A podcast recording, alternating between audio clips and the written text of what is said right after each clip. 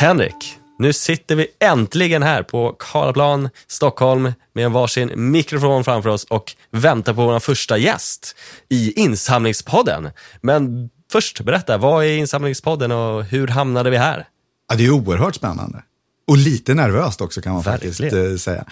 Hur vi hamnade här? Jo, men det var ju du och jag som kände att eh, det måste finnas en podd på svenska för den svenska insamlingsbranschen.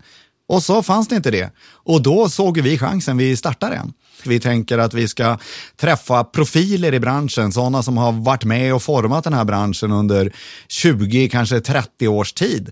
Vi vill också prata med experter, sådana som är väldigt duktiga inom ett speciellt område när det handlar om att samla in pengar. Och så sen så kanske en kampanj och någon enstaka leverantör som får komma hit och berätta lite grann. Så det är väl lite grann hur vi tänker oss insamlingspodden. Ja, jag ser verkligen fram emot det här när du har berättat om det. Ja, visst, eh, det blir askul. Men vilka är då vi? Henrik Östman är jag, Ted Henningsson är du. Vad, vad brinner du för? Ja, precis. Ted Henningsson som sagt och eh, ja, nej, men jag vill ju förändra liv. Det är därför man är här i den här branschen. Förändra liv eller förändra världen. Eh, jag eh, kommer själv från en hockeybakgrund. Ishockey har betytt mycket för mig i min uppväxt och i mitt liv. Och när jag insåg att nej, det blir nog inget hockeyproffs av Ted Henriksson tyvärr, så insåg jag att nej, men man kan ju faktiskt jobba med idrotten på ett annat sätt. Man kan jobba med den kommersiella biten och hjälpa till idrotten att samla in pengar.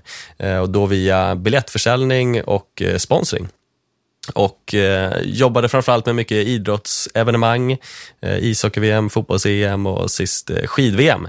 Sen kände jag mig väl lite mätt på det där och har alltid på något sätt sneglat mot den här branschen, för det handlar ju om att förändra, eh, även om som sagt hockey har betytt mycket i mitt liv, så är det ju här att, ha, eh, att förändra världen och liv på en helt ny nivå.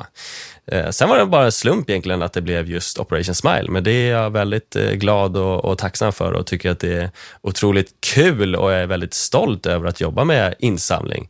För att det behövs ju volontärer, det behövs ideellt engagemang, det behövs folk som åker ut på fält runt om i världen, det behövs folk som är ute och demonstrerar. Men det behövs också pengar för att kunna förändra världen och där eh, känner jag att jag har hittat rätt och tycker att det är väldigt kul att få vara en del av den här branschen. Henrik, vad brinner du för? Vad brinner jag för? Jo, men jag brinner ju för en bättre värld. En värld där eh, människor inte svälter. En värld där eh, eh, naturen är i harmoni med oss människor som finns där. Det är det jag brinner för. Eh, och jag har, precis som du, min bakgrund inom den kommersiella idrotten. Jag lärde mig hur man bygger upp och, och ser till så att stora idrottsevenemang går med vinst. Och fick sen en fråga av en organisation i branschen av att komma in och, och göra en insats där. Och Det här var början på 2000-talet och sen dess har jag varit kvar och, och jobbat som kampanjledare, projektledare åt uh, stora organisationer, väldigt många olika organisationer. Eh, och jag har sett att Visst skulle jag vilja stå där ute på, på fältet. Eh, jobba vid sidan av Dennis Mukwege som fick Nobels fredspris eller jobba tillsammans med Monica Woodhouse som är en stor profil i Sydafrika som Läkarmissionen jobbar.